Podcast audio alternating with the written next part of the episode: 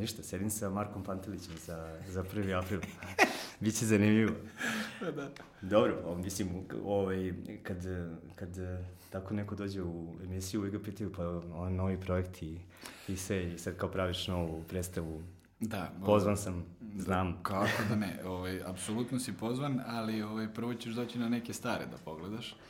Da, E, što se da bi mogu da razumem novo, tako. Da, pa da, da budeš u kontinuitetu. Nije baš ono kao J.K. Rowling, ovaj, da mora da se čita knjiga za knjigom i bestseller za bestsellerom, ali ima ovaj, smisla čisto da možda imaš neku sveobuhvatnu sliku.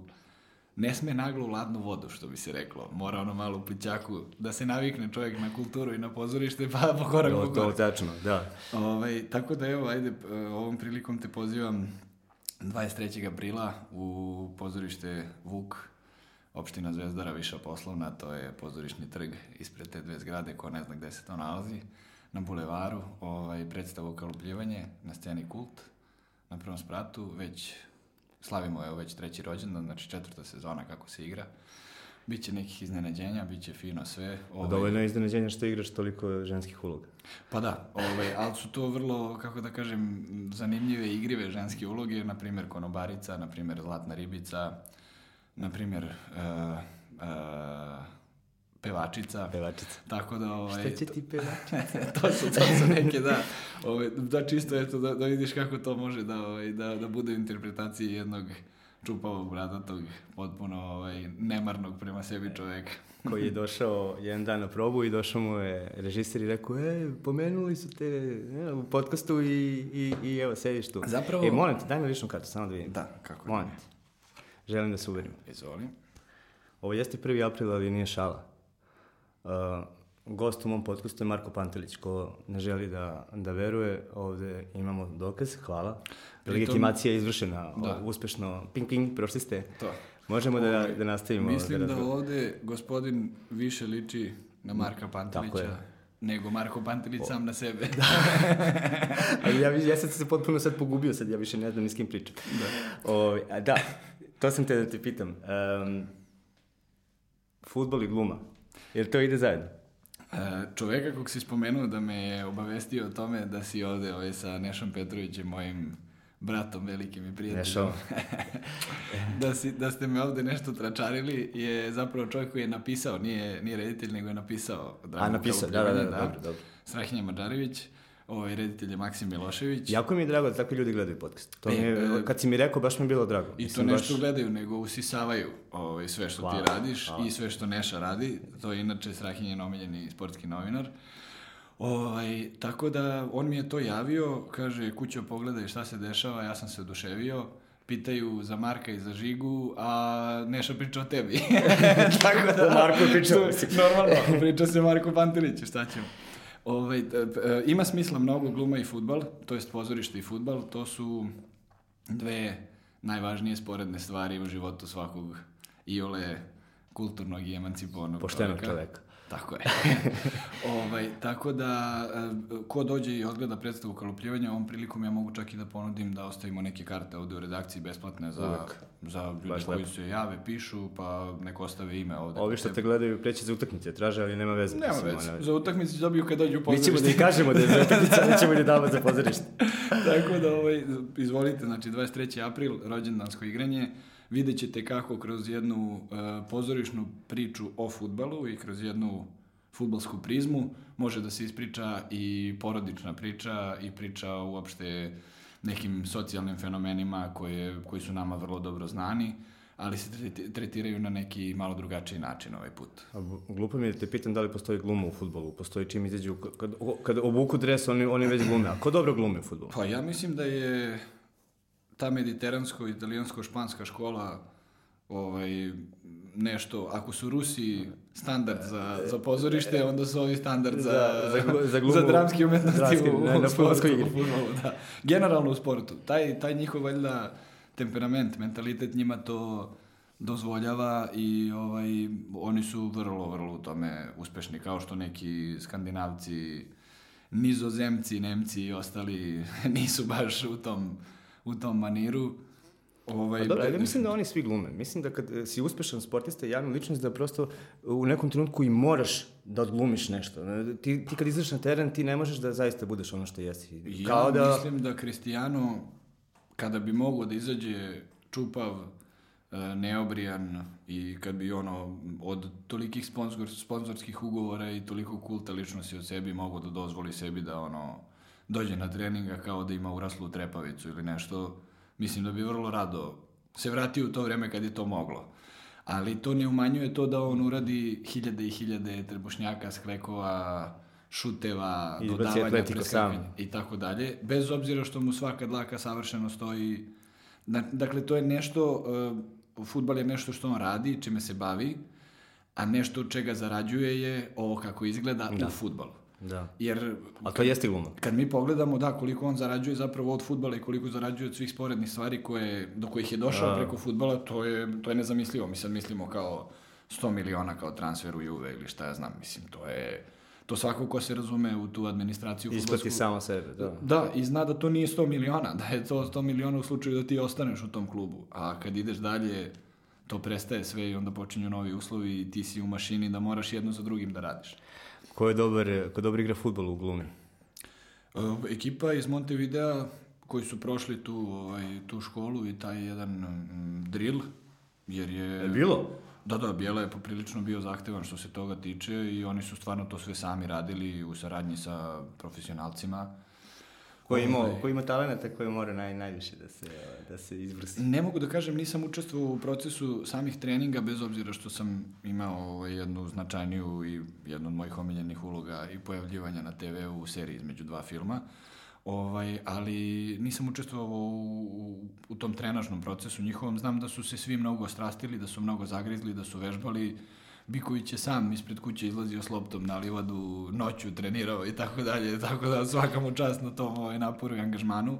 Ali neki su već došli sa ozbiljnim futbolskim predznanjem, kao na primer Andra Kuzmanović, eh, Aca Radojičić i tako dalje, ljudi koji su već trenirali i ovaj koji, koji i igraju i razbijaju. Mislim, sad ima jedna divna stvar koja se zove Art Futbal Srbija. Dobro. I oni gostuju svake godine, posljednje 3-4 godine na, u Rusiji na tom nekom, to je pre svega muzički festival, ali je sportsko-muzički festival jer kao umetničke reprezentacije igraju futbal.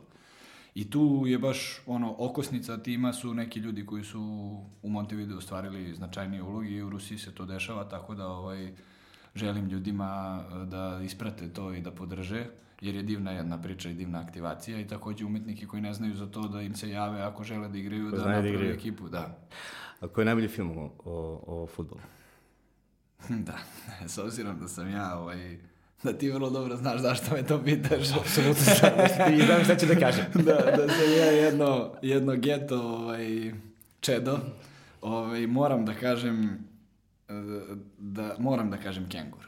Kad porastem bit ću kengur, jer to je film o svemu, samo ne o futbalu. A najbolji film o futbalu. A najbolji film o futbalu. Dakle, kada bismo isekli futbal iz tog filma, priča sama za sebe nije Njih dvoje nije bi sedeli, sedeli na stepeništu, tako e, i... upravo to. Onda je neka, uh, kako bi se to reklo, nedovoljna. Znači, futbal je glavna, glavna uslovnost. Pa on dobije kintu za, za piće u stvari u pradionici da se, da e, se gleda futbol. Upravo to. I, I naravno i ceo, ceo fenomen, ono, našeg čoveka koji uspe u svetu i kao da je ceo kraj usmeren u tebe.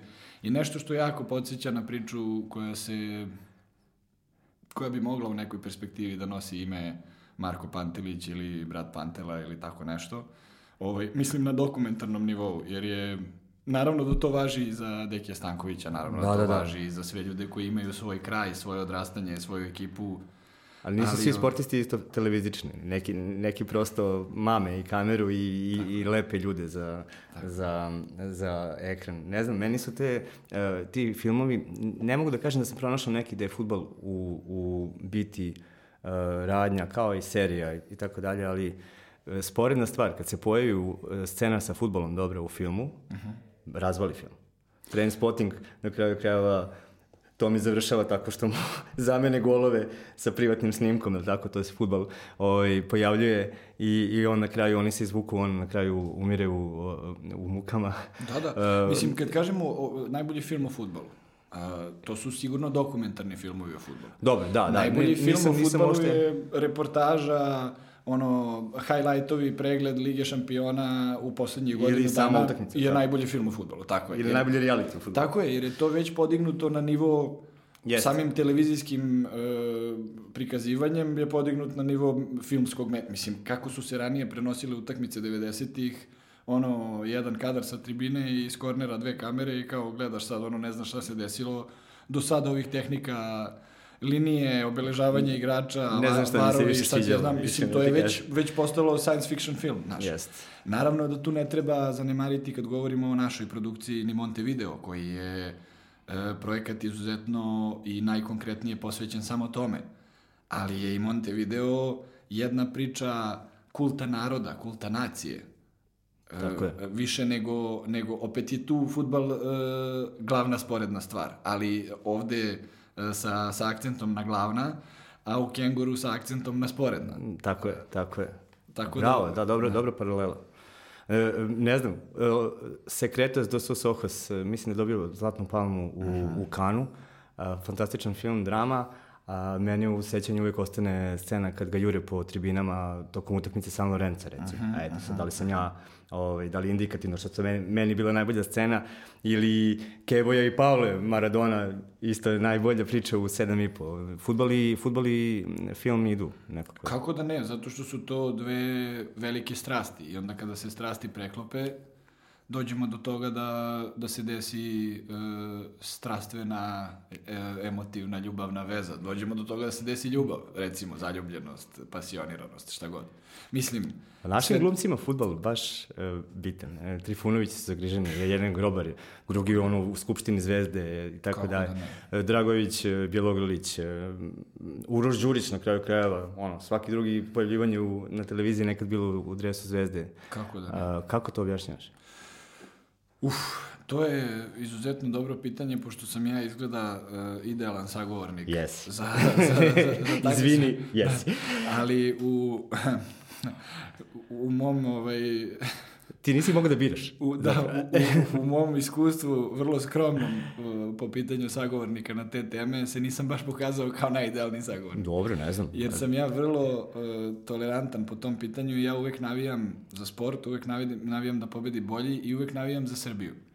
Uh, ja sam jedan od onih navijača koji kada ga pitaš za koga navija, naravno da navija za zvezdu, naravno da je odrastu zvezdu. A mnogo si mi fin sad. Naravno da Znam mi je- kako prozivaš tvoje E. ortake grobare. Tako Pa dobro, da, mislim, to je sve sada na nivou drugarskog prozivanja. Ja nekog e, grobara koga, po, koga poznajem dva sata ne, ne ulazim u tu, ovaj, u tu priču. Ovo je više da napravimo kao našu neku, neku zezu e, između sebe za stolom, što bi se reklo.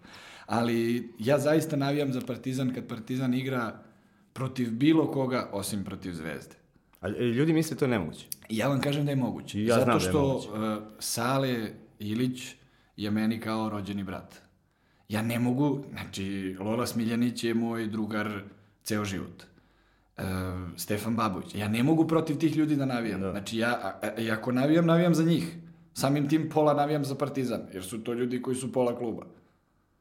Mislim, Da, da. ne mogu da ne navijam za Partizan. Ja mogu kažem, e, voleo bi, ne znam, kada e, igraju Partizan i Zvezda i, na primjer, Zvezda pobedi 3-1 i Sali Ilić da gol.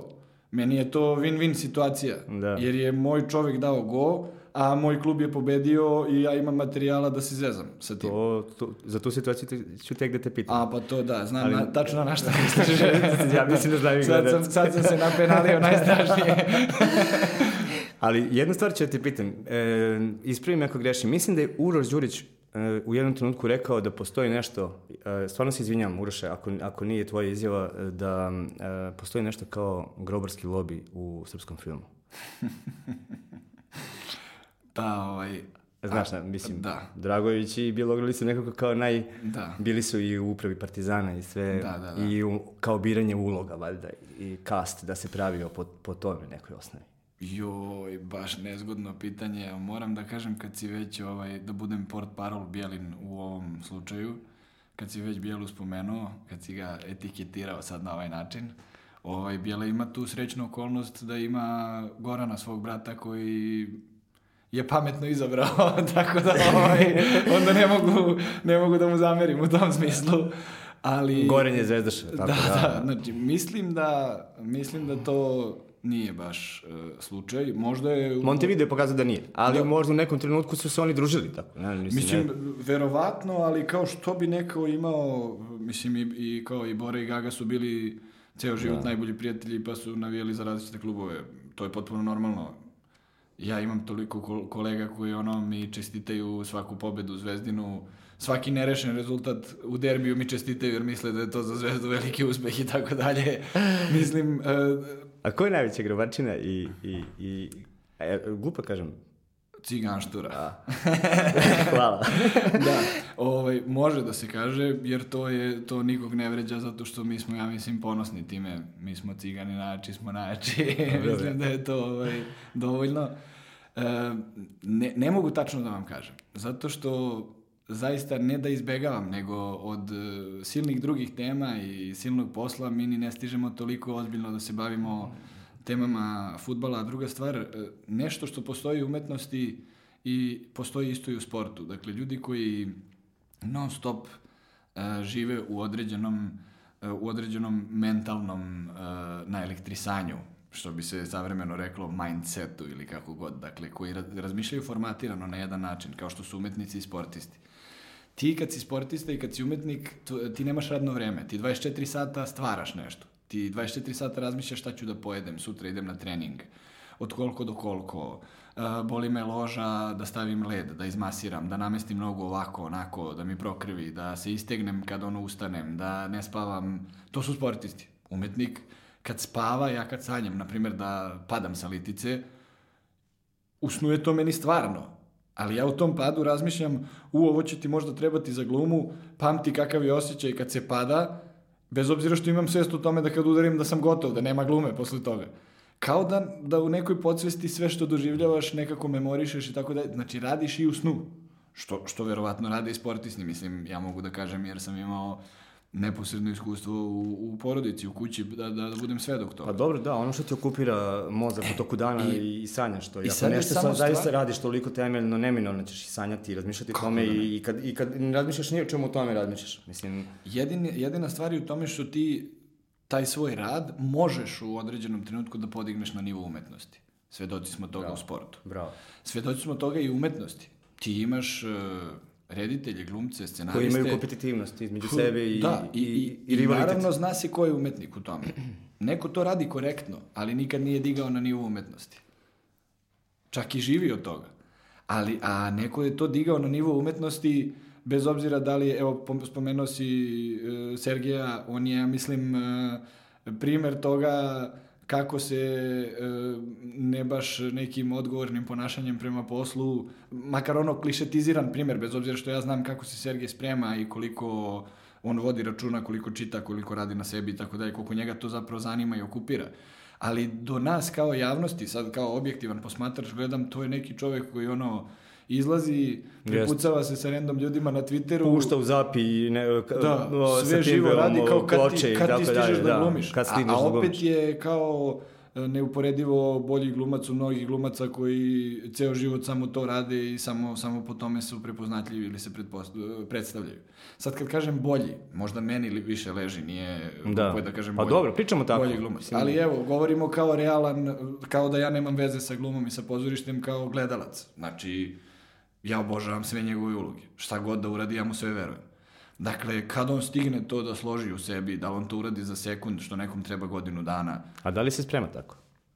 Kroz to, kroz taj život. Da li je to njegova zona da je on uvek spreman? ja ne mogu da ulazim sad u to jer nemam... e, Govorim iz ugla sportiste. Neko se sprema, nekome je potrebno da, veče pred utakmicu legne u 10, neko može da ostane do, do ujutru Da. budan i da odigra. Mislim, Pa vrlo moguće. I, na primjer, mogu samo da poredim sa sobom jer e, delimo branšu, što bi se reklo. Meni mnogo stvari padne na um u komunikaciji sa ljudima. Evo, meni je ovo sad e, jedna vrsta, Da. što se kaže, formiranja Vlast. neke slike i pamćenja nekog trenutka za budućnost kad mi bude trebalo. Sutra će neko da kaže, e, ajmo scena u radio studiju ili ajmo scena podcasta i ja se odmah setim ovoga. Po, na nivou asocijacije. Evo, pazi ovo. Uh, scena ide centaršut, primaš loptu i spoljni list pod prečku kao tvoj brat, da li bi prihvatio da glumiš Marka Pantelića u filmu?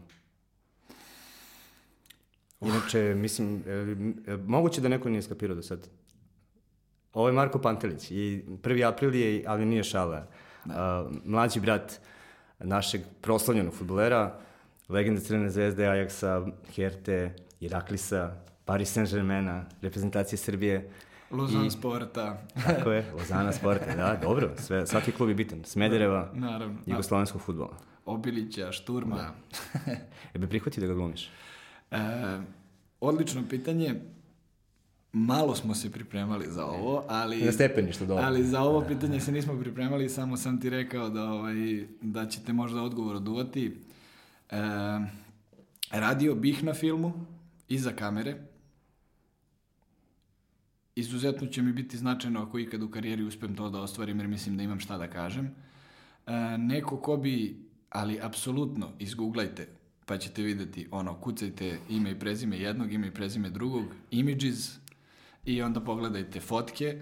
Neko ko bi to trebalo da igra jeste Viktor Savić. Jer njih dvojica više, Viktor Savić više liči na Marka Pantelića nego Marko Pantelić sam na sebe, verovali ili ne. Dakle, naročito Znaš Marko, koga meni Marko liči iz Marko? mladosti. E, Marko sad kad se pošišao i kad e, tera ono, frizuru na gore... Na mi- Bart Simpson. Ne, ne, ne, ne, ne, To je ta frizura. ne, liči mi na uh, pevača Depeche Mode, Davida Gana sa, sa početka karijere, 80. On, u- prvi albumi, oni spotovi uh, Everything Counts, 82. 81. i tako dalje. Isti. Isti pogledi. Mislim, oni su se promenili, ali, ali baš mi, baš mi... Meni a nekako- ti si me sa bradom posjetio na Jima Cacivela u, u, u, u Ili sam te Krista. posjetio na njegovu jednu Na od najznačajnijih uloga. Tako, Pa je. da, pa ali dobro. dalje Monte Cristo u stvari njegov mu doneo uh, ulogu Is Isusa. Jeste, ali ja verovatno tebe podsjećam na ovo... Ne znam na koga. Na, na, Na Marka na ovo? Gibsonovo remek delo, da. Ovaj, Ajde da se vratimo na Marko film. Da, Stvarno, mislim. što se tiče filma Marku, eh, da, zašto da ne? Ne postoji, kako da kažem, bolji kast ovako na prvu loptu kad pogledaš za to. Eh, Marko i ja smo izuzetno slični u nekim stvarima, a naši svetovi, naši, naše duhovne vertikale, interesovanja, intelektualni sklopovi su diametralno suprotni. E, što će verovatno ljudi koji nas znaju moći da potvrde, što će vremenom publika moći da zaključi samo od sebe. E, On nikad nije opet- nosio bradu. da. Do, I izuzetno mu ovaj moj styling ovaj, e, bode oči, tako da čekam ga da se otvori za neku ozbiljnu lovu, pa ću onda da promenim to. Pa pazi, Šalim. Hardin je se rekao milion, dajte i, i brijem bradu. Tako Da, da, da. Ovaj, nije, nije baš takva situacija, ovo su sitne neke ovaj, provokacije i čarke sad interne, ali ovaj, bit će. Prilike ja, inače ovaj styling eh, je podređen pre svega poslu kojim se bavim i svaki put kad sam razmišljao eh, pod ekstremno visokim temperaturama da ne obrijem bradu, nego i obrve i trepavice i svaku dlaku na licu, pojavi se neko ko kaže, ja brate, nemoj da snimamo ovo i da radimo ono i tako, i to je genijalno, verujem, i tako već godinama. I onda Ali imaš problem na, na granici, jel tako? Da ne možeš da Ma izađeš. kako da ne? Pa to je, da nemam, da nemam neke vize sa, sa ovim stylingom u pasušu, ovaj, ne bi Bilo me bi teško. pustili ni jednu granicu da pređem, nema šanse. Plus piše, piše to Mac, mislim. Znači, kako me gledaju... mislim to je- Mac za strance. Da, da, da, da. Za nas je Mac. Da, da, da, da. Za, za, i, oni, I oni ga čitaju tako po vuku, što bi se reklo Mac, pa onda tek ništa ne razumeju. Onda, onda im, da je ono, da je MC kao McDonald's, Mac, McConaughey, McManaman i to, onda bi bilo jasno, ali pošto je Mac kao sti, šta si ti, Turčin, futbaler, e, Da. ne znam, kao... Ne znam ja sam. Da, kao šta si, sveštenik. Ne šta sam. Da. E, ali moram ti pitam nešto za, za Marka, zanima me, kakav bi to bio lik?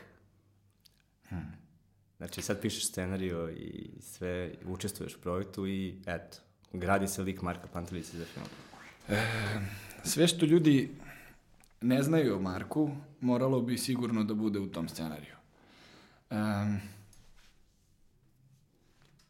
ono što ljudi znaju o Marku bi doprinelo da taj scenariju e, deluje još začudnije, još premamljivije, još kontroverznije. E, kada govorimo o slici Marka Pantelića koja je široko poznata javnosti, to je jedan veliki patriota, jedan human čovek, jedan, e, jedno divno mlado stvorenje kao Upravo i, si mi kao upravo i, pitanje. i dobro. desetine hiljada drugih divnih mladih stvorenja koji su nešto uspeli uradili u životu, kao svi naši sportski predstavnici, kao Nole Đoković, kao Deki Stanković, kao ljudi koji se kao Teodosić Miloš, kao, mislim, sad mi padaju na pamet svi živi, pa ne bi volio nekog Samo da nabrajanje i, i, Da. i, i, i prošao nam termin. To su ljudi koji su ustajali rano ujutru, godinama nešto radili za sebe, za svoju porodicu, za svoju državu, za, za navijače, bilo jedne, bilo druge, dakle za, za naciju celu, e, koji su sebe stavljali ponekad e, na drugo mesto zbog nekih e, viših ciljeva, uspeha i tako dalje. Dakle, mogu da, da nabrajam samo u superlativu osobine, ali onda to ne bi bilo ništa novo u tom filmu i, i ništa... Re, reci nam ono što ne znamo. E, ono što ne znamo je da, da ti ljudi plaču. Da su ti ljudi ranjivi, slabi, da to nije samo suvi uspeh, da tu ima mnogo padova, mnogo odricanja, mnogo pobeda malih na dnevnom nivou. e, mnogo... Da bi ga neko osudio, Tako pljuvao, je. tako? E, Ne, uopšte, to je potpuno normalno. Dakle, e, doći će neko da gleda moju predstavu i reći će šta onaj tamo urla, krivi kliberi se ispod one bradurine i brkova ga ništa ne čujem i tako dalje. Mislim, to je sve normalno. A Ali biti će- u poziciji da te kritikuje je jako dobra pozicija. E, bravo, majstore. Dakle, šta je mene dovelo na tu scenu? Šta je njega dovelo na taj teren? Je, naravno da postoji niz okolnosti, ali sve pre toga, godine rada, truda, ulaganja, kontakata, Da. u krajnjoj liniji, neko će se pojaviti ko će reći pa jeste bilo i boljih pa nisu dobili šansu. Slažem se. Ali to je sve neki, nek- neko naše lično investiranje i, i pokušaj da napravimo nešto od sebe i od svog života, a to nije lako. Jesi ga glumio kao mali? Pa s obzirom da imam jednu, 11 godina razlika, tako? da, da, da, 10 i po, ali 11 kalendarski, on je 78, ja sam 89. Ovaj, s obzirom da imam jednu predivnu kolekciju dresova, svaki taj, taj dres sam nosio lično na sebi i fotkao se po hiljadu puta, što njegovih, što tuđih, ali ta riznica je najviše sačinjena od njegovih dresova. Ja sam rizničar tog futbolskog blaga. U porodici zadužen sam za to blagajnik za dresove, da ne kažem, to se nekad u klubovima zvalo ekonom. Da. Onaj koji skupi posle utakmice i složi sve na mesto. Ja sam, dakle, e, ekonom u, u, u porodici Pantelić. Rizničar. da, vezan za, za te stvari, da, se, da čuvam štucne, kostobrane, kopačke i sve ostalo. Imam jedan poseban sektor samo za to, da ne kažem sobu punu toga. A nadam se da upravo čuju. Ali bi, siguran sam da bi volili da čuju kako je izgledao trenutak kad si skapirao da se Buraziri ti zove ti isto. Taj moment je nekako došao sam po sebi. Ti si mali, ima, treba gradiš neki svoj identitet klinac, imaš starijih brata i kao Marko, Marko, Marko, Marko. Mislim, Pa zamisli sad ovo. A, imaš 10 godina, na primjer. Treći si, četvrti razred. I na školskom dvorištu vodiš loptu a, u gomili druge dece sa dresom Paris Saint-Germaina na kome stoji broj 22 i tvoje prezime. I daš gol. I sva druga, i sva Marko dru- tako je, i sva druga deca kad vode loptu govori kao Mihajlović, e, Stanković, e, šta god, e, Mijatović. Dobro, A ja trčim si i, go, i, i govorim kao Marko I Pantelić. ide- I, Marko Pantelić, i, Marko, i kao da je go Marko Pantelić, i potpuno je, potpuno je opravdano sve, tako da ovaj, bo, dobro, naravno, to je praktično, u tom smislu je praktično, ali Ali unikatno, evo ja da ti kažem. ti, pa dobro, da, naravno, ti, ti mnogo stvari saznaš o sebi kroz, kroz mišljenje drugih ljudi.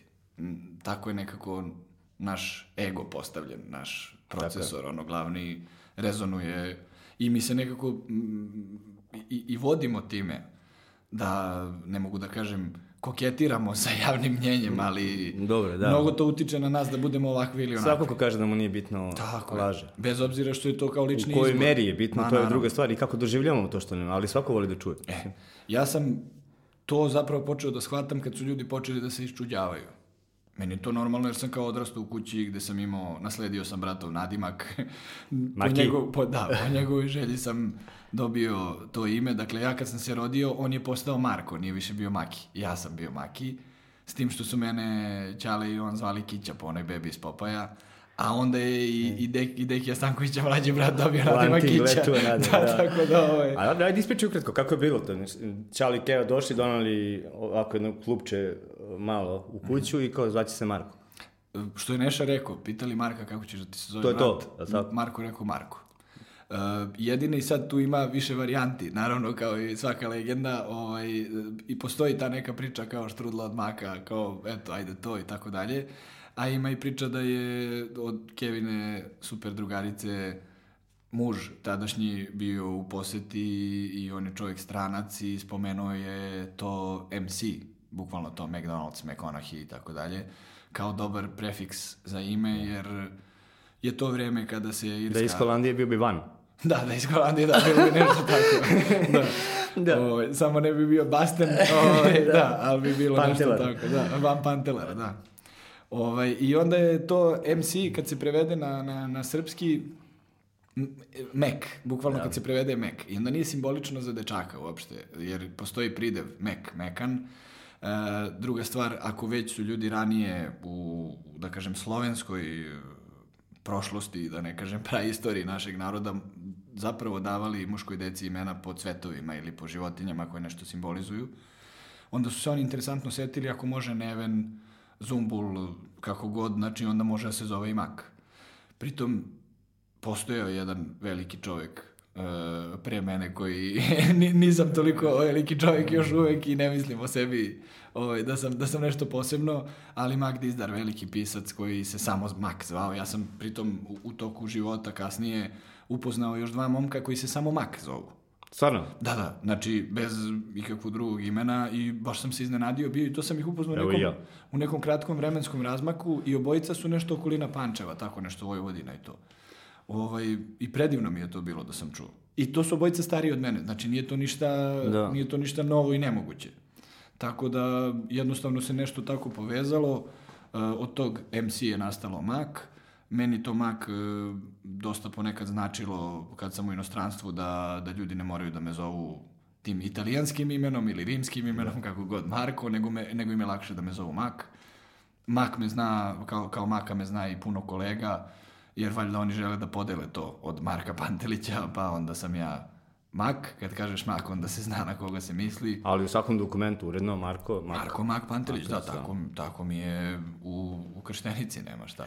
A još je nešto što nikad nećeš ni želiti da promeniš, siguran sam u to, bez obzira kako će biti tvoj odgovor. Uh, kako izgleda biti mlađi brat Marka Pantelića? Načeli smo malo taj odgovor kroz ovo i Marko Pantelić daje go i tako dalje. Ovaj, ja nisam imao potrebu da imam idola ja sam sa svojim idolom spavao u krevetu kad god sam hteo.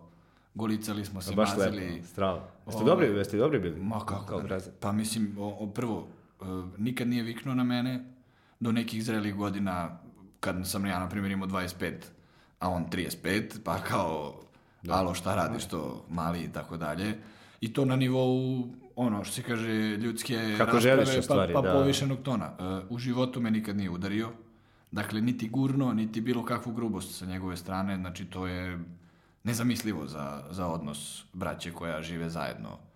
Mada je on relativno mlad, e, sebi ostvario neki integritet i odvojio se od kuće i počeo da živi pa sam i tako dalje, ali opet ja sam bio mali, dosadan, znaš, imaš pet godina, on ima 16, možda se desi da te ćušne da te otera. Nikad, nikad, nikad. Znači, zaista, Strano. jedan roditeljski odnos, ne bratski, znači ja sam rastao sa tri roditelja. Strano. A on je rastao kao jedinac dok se ja nisam pojavio, pa sam ja onda preuzeo ulogu jedinca, samo što sam ja imao još jednog roditelja više. Misliš da zato nije došao u emisiju? Uf, da, sad si me iseko. Ovaj, kad si mi spomenuo to i kad smo se dogovarali za gostovanje, načeli smo tu temu. Um, ja sam teo da ti iznenadim, u stvari. Da, da ti da. budeš gost i da, pošto je 1. april, da se on pojavi na pola. Mm. A ono je on vrlo onako pošteno i, i fair rekao, ne, naravno nije rekao to, nego je rekao druge stvari, da se fokusirao naravno na svoju karijeru u Futbolskom savezu i to je i pošteno kad ti neko kaže, ne kaže ti izvini uguži sam, nemam vremena i tako dalje, mm. nego ne želim u ovom trenutku da pričam o tome, a u stvari te zaštitio. Meni je drago što si ti to tako shvatio. Ovaj, jedno je kad Marko Mak Pantelić, glumac, koji ima 30 godina, dolazi u emisiju sam, kod tebe i kome je velika čast i koji, ako ti misliš da ja imam šta da kažem, ja zapravo imam šta da kažem onda, i, jer ti uređuješ svoju emisiju. I ti, ja uživam sad trenutno pričam s tobom. I ti da- određuješ da... i kome se obraćaš ovim i koja će publika to gledati i koga to zapravo interesuje. Znači ti si vladar ovog prostora medijskog i znaš uh, kome se Dobro, ja se ne obraćaš. postavljam tako, ali... Ne, ne, naravno, ali u tom smislu ti, ti znaš e, kome će ovo možda biti interesantno, imaš te, e sad, Nisam imao dilemu ni jedne sekunde. Da li... ako postoje neki ljudi kojima će ovo biti interesantno, ja sam još srećniji jer ja te ljude ne poznajem, niti imam vremena možda u životu, niti oni imaju vremena da sednu sa mnom da propričaju i da me upoznaju. Dakle, ovih sat, sat i po vremena je kao naš razgovor sa hiljade drugih ljudi koji možda neće nikad imati priliku da nas upoznaju. O, s tim što mi ne čujemo šta oni imaju da kažu, ali ćemo videti u komentarima, Pa vidjet ćemo da, i tako nećemo ni dalje. vidjet Da. ćemo, dosjeti se to. Znaš, nekad, uh, ne, možda čak i ne treba da dobiješ neki pretirani feedback uh, sa druge strane da bi znao da li je nešto dobro ili, ili ne, ali... uh, Mislim da je, da je Marko stvarno ovaj, u tom smislu sa svoje strane doneo, bez obzira što bi meni beskreno zanimljivo bilo i nije, ne bi bilo prvi put da smo se mi u javnosti pojavili zajedno, e, opet ne zna se to toliko da Marko Pantelić ima mlađeg, bra, Pa ne znam brata koji je glumac. Ja sam se da- iznenadio, znaš koliko su bile re- reakcije na Nešanu emisiju, koja je isto bila super. Bile sadržajne onako, bili, mislim Neša bio iskren i, i kad je kritikovao i kad je govorio kako treba bio, nije, nije birao previše reči i ostalo, iako živi od toga što radi. I hvala mu na tome, jedva čekam da dođe ponovo. Um, e, mahom su prve reakcije bile na to, na, na tu anegdotu. Ja sam znao, čuo sam je, ali nekako bilo kao, možda sam je, nisam prepoznao koliko je ljudima možda bitno i, i onda kad sam video po, po reakcijama da im je to iz cele emisije bilo najzanimljivije, nisam imao dilemu. Znao sam da će biti dobar razgovor, čak i o futbolu, kad budemo pričali da će to biti to, da, da ćeš sigurno biti kompetentan za, za Ne mogu da kažem da smo mi bežali od toga, Marko i ja ili porodica konkretno. Ali jednostavno nikad se nisu preterano pokazivale šanse da se to nešto u javnosti forsira. Mi smo mogli naravno da pravimo neki e, neku pompu oko mene kao nekog čoveka kome bi to možda otvorilo neka vrata time što bismo možda malo gurali tu priču i tako dalje. Ali ja sam se i, Ne. i u toku studija i, i sad zadovoljan sam i svojim poslom i stvarima kojima se bavim u životu i držim se tog nekog undergrounda zato što tu mogu da istražujem, uživam u tome i ne, ne, nisam sada nešto za estradom previše e, gladan, žedan tog života i tako dalje. Valjda, valjda sam se zasitio te popularnosti gledajući Marka, gledajući svoju porodicu, mi smo uvijek bili pod nekim mikroskopom. E, ako to dođe samo po sebi, ja ne bežim od toga. Mm, Tom, tim bolje, dakle ja sam Ali već razumeš, spreman da ti se snalazim u tom. da. Ali em, što se Marka tiče, hvala mu. I da je došao, bravo. hvala mu. I što nije došao, hvala mu jer je šmekerski prepustio meni ovih sati po vremena razgovora da vi upoznate nekoga koga možda ne znate toliko dobro kao Marka Pantelića. Stari burazir. Svaka mu čast. E, Ćale. Čale. Kako je biti mlađi burazir brata Pantela? U, da. E, pa nezgodno. Znaš kad ti dođe neko u gradu i kaže koji si, koji si ti car, od rođenog burazira ti prave debila po društvenim mrežama, a ti si tako pozitivan lik, nisi iskompleksiran i tako dalje. I onda ja kažem, izvini, ko pravi debil? Da, da li je iskompleksiran kao- taj koji je tako razumeo to Pa, sve? da, da, da, kao, pa, pa kao ono brat Pantela, a kakav je debil ispuj to. Je li Dobra fora to. To je vrhunska, najjača fora na svetu što postoji. Marka Pantelića, futbalera, I to misli isto. potpredsjednika Futbolskog saveza da pitate, on će vam reći isto to. E, tako, ne treba sve se Znači, ljuti, sve ne može niko da se Možda našali. se ni- ljudi, mu napravili, napravili brend od njega. E me razumeš? Na- Znači, Cristiano Ronaldo morao da e, da stotine hiljada golova da bi mu na kopačkama pisalo CR. Ovaj imao dva čoveka koji su kao napravili sprdnju od ono lika i dela i to ne sprdnju na njegov račun, nego sprdnju na sve drugo osim Tako na je. njega. Da. Znači on je samo, samo medium. Tako. Iskorišćen je kao podloga. Dakle, Ali nije, prihvatio to vrlo pozitivno, mislim. Naj, najbolja stvar, možda jedna od, od najboljih stvari u karijeri što mu se desilo je bila to. I On ti je, si prepoznat tu, nisi mu, uh, ajde, molim te, ispričaj uh, da ste bili u gostima. Jesmo. Stvarno dobra on priča. je, on je u početku ovaj, e, bio onako zbunjen šta se sad dešava i razmišljao je čekaj, čekaj, da li ja sad tu treba da reagujem, da tužim, da ovo, da ono i onda je pogledao o čemu se tu radi i kakav je to sadržaj e, i rekao je ovo je genijalno. Mislim, sam se, sam se tome smejao. Strava. I kao, momci rade super stvar. E, ne bismo voljeli da otkrivamo identitet tih momaka Nećemo. zato što Ima oni- jedan na Twitteru i na Facebooku, na znači Facebooku. nisu isti. Ne, ne, Da. nisu isti, da. Ovaj, I sad cijela priča vezana za njih, e, oni ono što kažu grade kulu od peska i onda neko dođe i pogazi im, ne bi bilo dobro da ovaj, to je sve krhko, da se sad bavimo tom temom, ali e, sticajem okolnosti neki uži krug ljudi zna ko su ti ljudi i ti ljudi znaju da je to sve primljeno sa Markove strane kako treba. Hvala Bogu imali su i kako da saznaju. Tako je, znači, ono, što se kaže, mogli, mogli, su, mogli su uživo da, ovaj, da, da, da opipaju teren. Marko se nikad u životu Natirao si ga da ga... Ne, ne bi ljutio na to, da, i napravili smo neko malo istraživanje, jedan njegov prijatelj, novinar i ja, da vidimo ovaj, ko su ti ljudi zapravo i ono, u, da se stupi u neposredan kontakt i tako dalje i sve je to prošlo na najbolji mogući način i ja sad ne bih voleo tu intimu. Ne, ne, ne, da, ne, da, da, Dobro, da ajde ispriči samo trenutak kad ste se pojavili na vratima.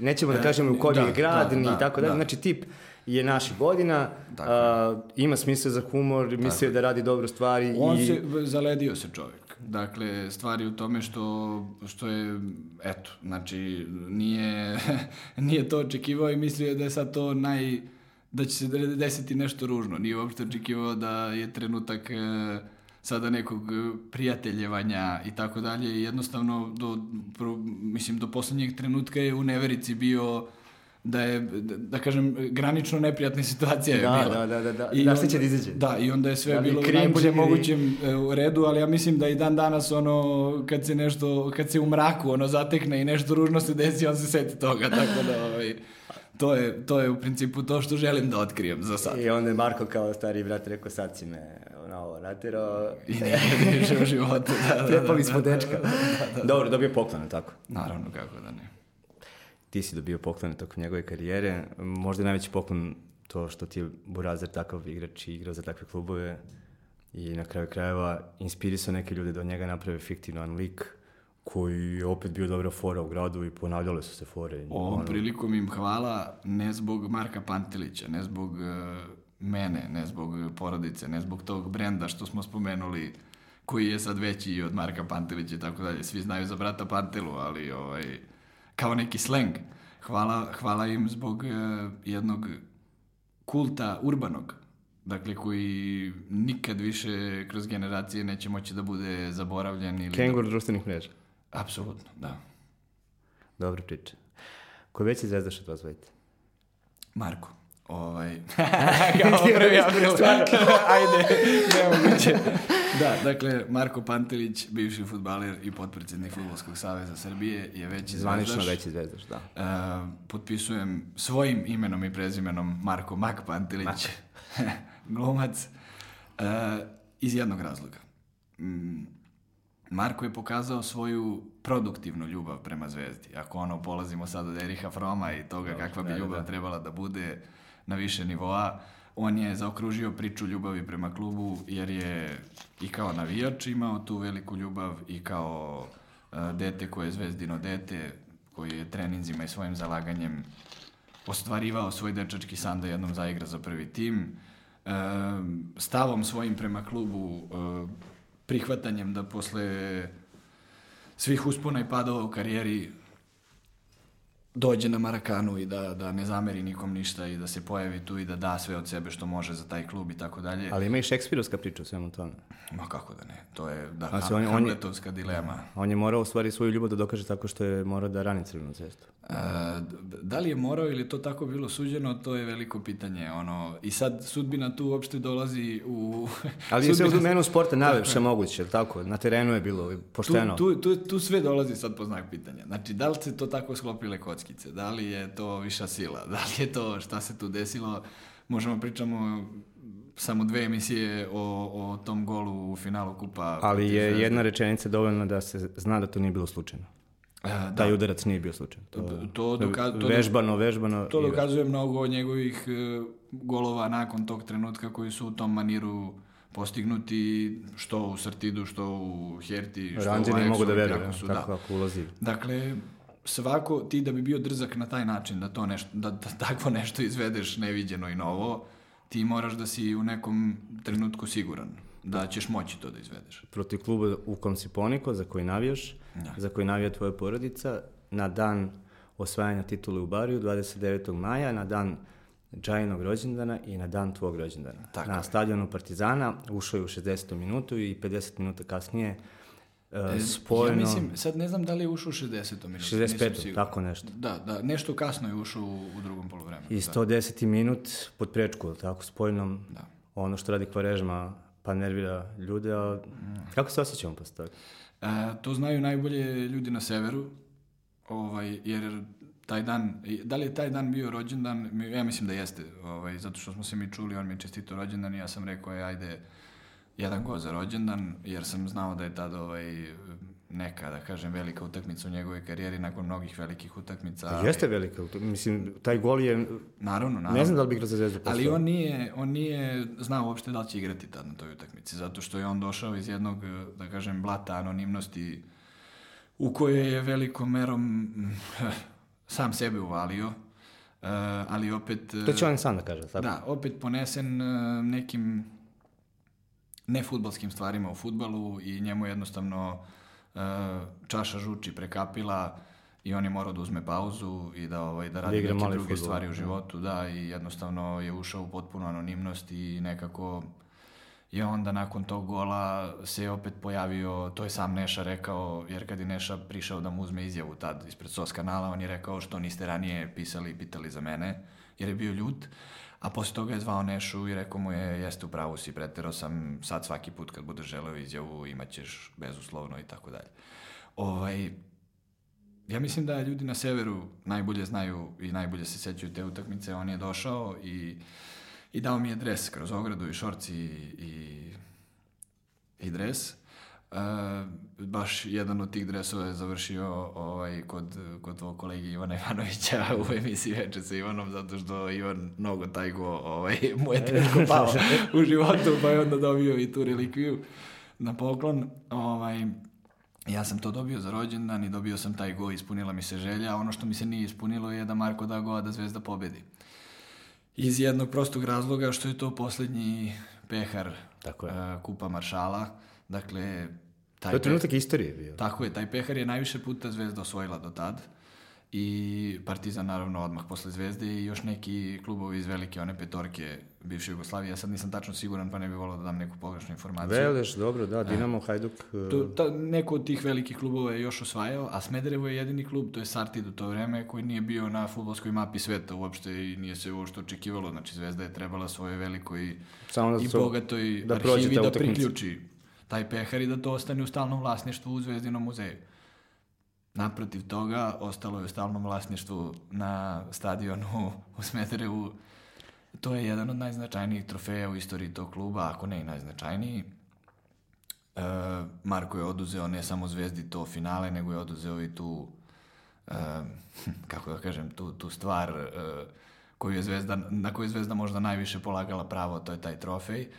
Ali je za uzvrat verovatno dobio uh, kartu za vraćanje na futbolsku scenu, to je ono što ti kažeš. E sad, on je odmah posle toga otišao naravno da proslavi go sa navijačima Smedereva, a onda kada se tenzija, kada je tenzija splasla polako atletskom stazom je otišao na sever, pozdravio se sa svojim drugovima sa kojima je išao na utakmice.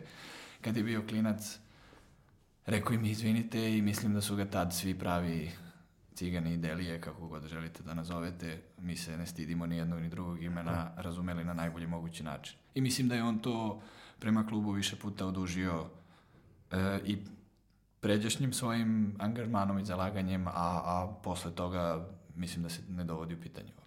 A zašto su Žiga i on bili toliko dobar tandem? Ja mislim da je to jedan od najboljih, e, da je to top 10 tandema futbolskih na svetu, sigurno. A kakav je njihov odnos bio? Uh, Jel gotivio Žigu? Mislim, ja mislim da je on jedini je, najbitniji je, čovjek koji je sad vratio Žigu u srpski futbol. To je, to je neverovatan odnos. Ne znam sad što se tiče vraćanja Žige, ovaj, ko je to moj utisak. posredovao, ali sigurno se Marko radovao izuzetno i, i samim tim što se raspitivao za Žigin broj telefona već je dovoljno jasno.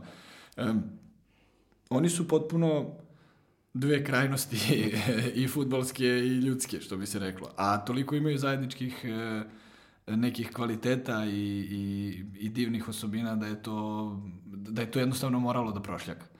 I kad se nisu kapirali i kad su bili ono, ma ne razgovaram s njim i tako dalje, oni su funkcionisali kao da se, kao da se ništa ne dešava. Um, Naravno, ti kada sarađuješ sa nekim i kad si svaki dan osuđen nekog, naravno da više ne možeš da ga gledaš posle nekog vremena i tako dalje, pogotovo kad je toliko usmereno pažnja na vas i kad se od vas stalno nešto očekuje. Um, mislim da su oni imali, oni su kao neka, ono, kao neki kvalitetan brak. Da, imaju, da, da, imaju da, da. uspone i padove u odnosu, ali ta Poštovanje. porodica, ta porodica traje i rezultati su ono sve bolji i bolji i to ide napred. Ako to uspeju da ponove u reprezentaciji kao, kao funkcioneri i kao ljudi koji mogu da donesu neke ključne odluke, mislim da nam se smeši divna budućnost. Ja im želim puno uspjeha i Tako svima svojima kojima radim. Nama ne, sećam se prošle nedelje, prethodne dve emisije, epizode su prošle u utakmici reprezentacije sa nešto smo pričali pred Portugal i Srbiju sa Vladom Novakovićem posle. Mogu bi sad da pričam s tobom samo o tome i pričat ćemo. Znam da je Marku ta reprezentacija Australija i Deki ovde. Na kraju sam ga pitao, Deki, kakav život živiš? I on je čovjek koji je sve prošao i zna- znate se, prijatelji ste kućni, pomene tu reprezentaciju i, i Južnu Afriku i da ništa drugo ne bi menjao. Ali da. tvoj burazir onako baš deluje kao pravi patriota. E, da. E, Ali u pravom smislu te reči, onako dobro, ništa, je. ne nacionalizam sad E, neki u negativnom to, smislu. To treba odvojiti zato što danas kad kažeš reč patriotizam, odmah se povezuje za, za poštovanje samo svog naroda i nijednog drugog. Čovjek koji ne poštuje nijedan drugi narod ne može u inostranstvu da napravi rezultat. Ti moraš... sestrične, sestrične se zovu, ne sestrične, nego njegove čerke se zovu... Bratanice, da, Ingrid i Allegra. da. To je, to je mama njihova ovaj, imala diskrecijno pravo da izabere, naravno Marko se složio, jesu to strane imena, nema sad to veze uopšte. majka Ne, govorimo samo u smislu da- kako može biti, Da, kako, patrioti, kako patriotizam može da izgleda. Tako je, mislim, to su lepa imena za devojčice, oni to tako misle i, i dali su im ta imena i devojke sada već nose ta imena s ponosom, prezivaju se tako kako se prezivaju, zovu se tako kako se zovu i njima je to potpuno normalno, kao što je meni to mak, potpuno normalno. Um, taj patriotizam je takođe on kroz jednu produktivnu ljubav prema naciji, zalaganje, trud, krv, suze, znoj, odricanje i sad hiljadu onih poznatih floskula mogu da izgovorim, e, dokazao više puta.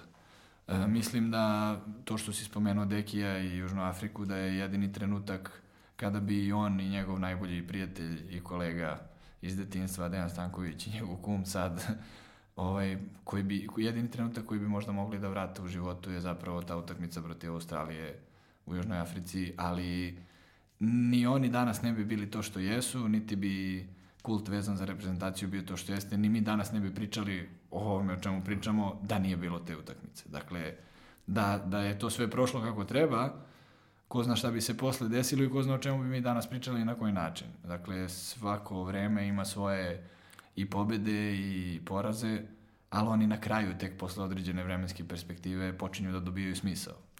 Kao vraćamo se na početak na priču o futbolu i, i umetnosti, odnosno filmu. Ima tragedija i komedija. To je bila tragična jedna epizoda. Mm. Ja bih rekao uh, u, dramska u užem smislu, uh, zato što je to veliki uspeh. Ti da, se, ti da si završio na finalnom turniru gde, gde ne može da ode svako. Dakle, odlaziš uh, već na svetsko prvenstvo, odlazak na svetsko prvenstvo je već ogroman uspeh. Um, Dobro, to- to je oni sa- su je doživjeli kao tragediju. I naravno, Radomir je pa, završio na kolenima. I, i, I kako da kažem, i futbalska javnost je doprinela tome, znaš, jako je ružno videti u renomiranim sp- sportskim, da kažem, futbalskim, sa akcentom na futbal novinama, na naslovnoj strani uh, epitaf i umro je srpski futbal. Mislim, kako, kako je umro srpski futbol, ne razumem. Odigrao si sa Nemcima fenomenalnu utakmicu, Gana izuzetno kvalitetna reprezentacija koja je pružila sportski otpor, nisi mogao ništa protiv toga. Australijancima ne treba ni za šta spletom nekih opet čudnih okolnosti te lopte ulaze u go. Oni ono, misliš, šutiraju samo da ide lopta od njih. A ono, kao da postoji neki magnet koji uče to u go. Dakle, nije to neka sada situacija ni paranormalna, ni sad došli vanzemaljci pa kao uterali loptu u go i tako dalje. Nisu vanzemaljci, nego Ali Marko, pa, sportska- Marko Pantelić ušao sa, sa, sa klupe i, i, i dao gol.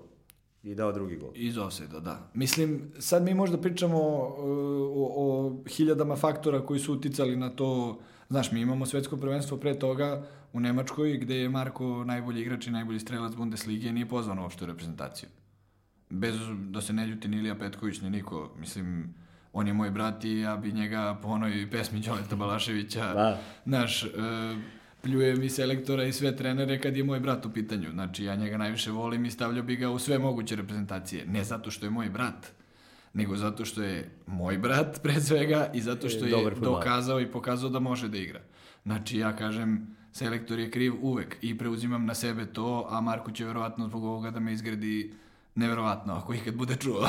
Tako da mu ovu emisiju neću ovaj puštati, osim ako mu, ako mu neko ne došapne. Pazi, ima jedna vrlo interesantna stvar. E, prvi put kada je u javnosti izašla slika mene i Marka sa zvezdine tekme košarkaške protiv Olimpijakosa i kada se potegla priča nemate pojma ko je mlađi brat Marka Pantelić i tako dalje, jedan od prvih komentara, ja mislim da je to neki telegrafov članak ili tako nešto, ispod ovaj, na netu je bio E, pa da, tačno sam znao jedan balerina, drugi glumac. Tako da, to govori, znaš, o jednoj... e, Ko je balerina? pa ja mislim da, ja, ja mislim da ovaj što je sad potpredsjednik, da je on ovaj balerina. Tako da, ovaj, to govori o jednoj kvali, jednom kvalitetnom kafanskom humoru koji mi gajimo kao narod. O toj nekoj destruktivnoj ironiji i ironijskom otklonu prema svemu. O, o nepotrebnim komentarima koji nas kao narod čine da budemo, guraju nas da budemo još luđi i još bolji. U smislu, to niko nije prihvatio zlonamerno, ali Da. je taj komentar možda nije ni napisan zlonamerno koliko je napisan kao možda dobra fora tom ko je napisao. Do, uvijek i do onog, I stvarno kad je- se neko našao na tvoj račun, uvijek je do tebe. I stvarno je dobra fora, znaš, jer kao kliše je, ono, pada ti na pamet odmah. Ali kao čovjek je to napisao, povezao i kao ugasio nas, razumeš? A opet naši životi nisu stali zbog toga, nije se niko naljutio, nego nastavljaš da radiš to na svoj način. Ali e, to je humor Marka. Pantelića. Znaš, ja, ja sam umro smeha, na šta će mi dres Dinama? Da. Pa meni to, mislim ti pomenuo si dresove i koliko si ih dobio i sad znam da je on, on skuplja to i tako dalje, ali m, igrao je na Maksimiru i pitanje je bilo, nisi se menjao ništa, pa kao šta će mi dres Dinama?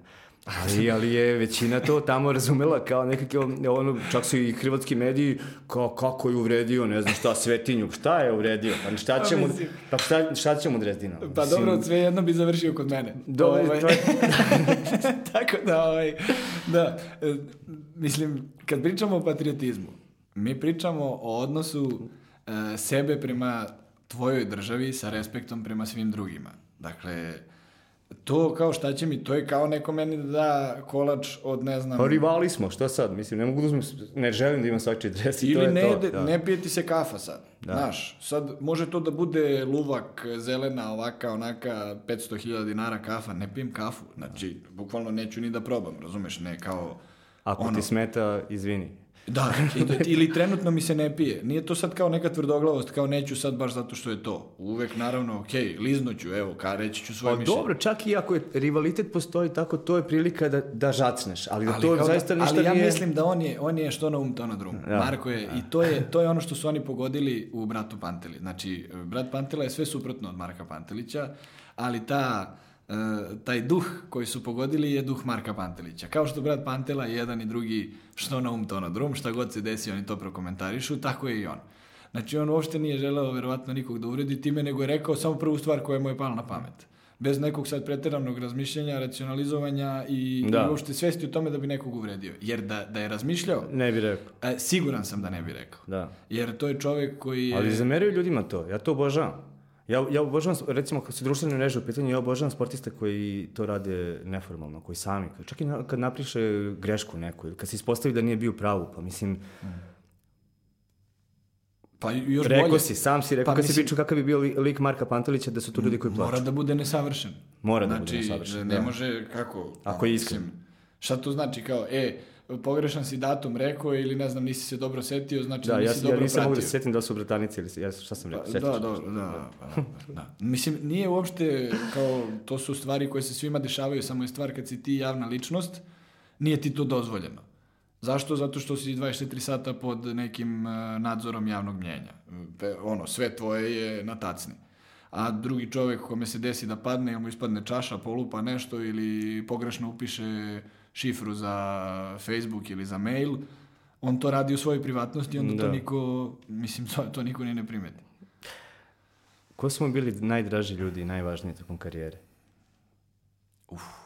To je dobro pitanje za njega. Ja mogu da pričam iz perspektive e, posmatrača i to ne čak ni trećeg lica, nego nekog 63. lica. Da, on bi krenuo verovatno da nabraja sve, da se ne uvredi neko, da ne kaže Da. sve, možda zato I onda baš... ja ne bih, ovaj, osim ovih ljudi tebe. koji su, koji su jako bliski e, u smislu porodičnih veza, to ljudi koji nisu javne ličnosti, pa onda možda auditorijumu nije ni interesantno, ovaj, do ljudi koji su, eto, javne ličnosti sad, na primjer, eto, Miloš Teodosić, e, Deki Stanković, Ivica Dragutinović, to su ljudi s kojima on provodi ekstremno puno vremena, Sale Ilić, znači, e, kako kažem, to su neki ljudi koji se pojavljaju na svim dečijim rođendanima, druže se porodice, deca odrastaju zajedno, e, predivne neke priče iz detinstva i sadašnjosti koje će da traju do, do kraja naših života na ovoj planeti i to će biti tako. Koji ti je najbolji savjet koji ti je dao Brazir? Odlično pitanje. E, da. Najdobronamerniji savjeti u posljednje vreme su ošišaj se, obri se, vidi na šta ličiš, moraš ti da izgledaš ovako, onako i tako dalje. Ovaj, najbolji savjet. Najbolji savjet je... Možda nije izgovorio, nego si uz njega naučio. Da. Da. on morao da ne uspe da bi uspeo? E, tako je. Znači, ja mislim da smo mi tu negde na liniji e, sličnosti, bez obzira što ja nisam još uvek napravio nešto veliko da bih mogao to da srušim pa da krenem iz nule kao on i mislim da mi se neće desiti jer ovaj, je dovoljno da naučim na njegovim greškama. Ali moji neki izbori i intuitivni i ljudski, neko ko gleda sa strane bi mogao da protumači to kao grešku. I ja kad savjetujem ljude, savjetujem ih iz perspektive nekoga ko je nešto prošao, a ne koji nije prošao. Ja, na primjer, mojim mlađim kolegama kažem, snimajte reklame. Pošto ja nisam, na primjer, snimao nikad reklame i ne bih ih snimao ispod nekih uslova. I onda oni kažu, čekaj, ti ne snimaš za te pare, za te produkcijske uslove i tako dalje. Ja kažem, znam, ali ja vam govorim iz perspektive čoveka koji nije snimio u vašim godinama. E, ja sad da imam ovu pamet i vaše godine, snimio bi ih, igrao bi se, zezo bi se. Ali ja sad ni ne mogu. Da. Sve ni da hoću. Mislim, jer, jer, jer sam postavio neki drugi standard i onda bi izgledalo ovaj neozbiljan, e, ne znam, hoće sada e, pošto poto da se uvali da ima neku medijsku pažnju i tako dalje. Druga stvar, ja pitanje je da li ja nešto mogu i da prodam, pošto nisam sad neka javna ličnost da baš kasirke padaju u nesvest kad uđem u Ti prodavnicu. si brat Pantelin. Ili ja sam bukvalno brat Pantela. Brat, brat Pantelin. da, To je to, to je to. E, ali, em, znaš šta, em, skroman je i on, i skroman si ti, on ti pomaže, neće da dođe e, sa tobom, ali doći će i znam da će doći, posavjetuju ga da dođe, zato što ima mnogo toga da kaže, ja to znam. Um, ali znam i da bi ti voleo da, da njega učiniš ponosnim na način na koji on tebe činio verovatno svaki put kada bi izašao na teren. A ja ti sad sigurno kažem da si ga već učinio ponosnim onog trenutka kada si se upustio u nešto što ne moraš da radiš, a što je jako lepo i to je kosa za prikupljanje kose za pomoć ljudima koji bez, bez nje ostanu u nekom trenutku svojeg života, u nekoj svojoj velikoj borbi, u nekoj svom finalu svetskog prvenstva. I da sam ponosan što, što sam na te stvari naletao e, raspitujući, raspitujući se o tebi i, i pripremajući ovu emisiju da bude što bolja. E, stvarno mi mnogo znači i govorim ti ovo iz ugla jedne drage ženske osobe koja je bila u prilici da ostane bez kose i za koju jako dobro znam koliko je to bilo teško i samo kad vidiš sebe u ogledalu ti znaš da nešto nije dobro sa tobom. I nastavi to da radiš i tvoj brat će biti ponosan na to. I hvala ti što to radiš. U ime onih koji, koji, uh, koji se sa time možda ne bi smeli da kažu javno ili bi bilo, bilo bi im glupo, evo reći ću javnosti njih. E, hvala ti na podršci i na, na ljudskosti u tom smislu. E, humanitarna inicijativa Kilometar kose je nastala kao autorski projekat i autorska ideja dvoje kolega, studenta, e, ljudi koji su se u tom trenutku e, fenomenalno razumeli oko jedne stvari. E, moja koleginica Tamara Kojić i ja smo to pokrenuli 2015. godine, 15. februara na dan dece obolele od malignih oboljenja. E, jedna teška tema, e, globalno ceo svet je društvo koje je zatvoreno prema, prema temama kada su bolesti u pitanju, pogotovo kada su najugroženiji u tom smislu deca i neke već osetljive kategorije po sebi. Um, uspeli smo da uradimo veliku stvar, da skupimo više od 2,5 km kose. Ovim, ovom prilikom bi se zahvalio uh, svim frizerima koji su učestvovali, koji su besplatno šišali ljude, uh, koji žele da doniraju 15 ili više santimetara svoje kose i da da nam pošalju da mi pravimo od toga perike po meri, za, pre svega za klinke koje su obolele od raka, a kasnije i za devojčice koje, koje pate od alopecije, dakle od opadanja kosi i tako dalje. Nije nam se javio ni jedan dečak, u tom smislu da mu treba pomoć, verovatno se dečaci lakše nose sa tim. Da. Ali da se javio, dobio bi i on. E, pre svega nam je akcenat bio na deci. E, Marko Pantelić je željom da promeni svoj styling, e, dakle nije presudno bio kilometar kose u pitanju i željom da se priključi kao poslednji donator akciji zapravo i promenio svoj styling i još išao svoju, svoju futbalsku, da kažem, frizuru. Svoju futbolsku istoriju još išao je, time da. i njegova kosa je ušla naravno u... On nije želeo, evo ja sam sad otkrio to, nije želeo da su tome ovo, javno govori. Pa jasno ti da, ti pon, da je ponosan na tebe. E, ja sam učinio najveću stvar u životu za sebe kao čoveka i potapšaću se po ramenu svako jutro kad ustanem onog trenutka kada se Marko Pantelić bude predstavio kao rođeni brat Marka Maka Pantelića i kada budu svi znali ovaj, šta to znači, jer ja sam se do sad više puta predstavio kao rođeni brat Marka Pantelića i svi su znali šta to znači. Ja sam e, od prošle epizode, kad je Vlada Novaković bio tu, odlučio da uh, izbacim uvod, one kliše, zdravo gledalci, ovo je ta i ta epizoda, zato što pretpostavljam da je sam razgovor dovoljan da shvatimo suštinu i ko je, i nisam te predstavio na početku, ali kad Marko bude bio tu, predstavit ću ga kao starijeg brata Marka Maka Pantelića. Hvala ti na tome, nisam mogao da dobijem veću satisfakciju i veću zahvalnost za ovo predivno gospodine. Samo ga po, posavjetuj da daće. Eto. Kako da ne. Hvala ti što si bio. Ljubim te puno. Pozdrav svima i držte se, ne dajte se i pomozite koliko možete. Idite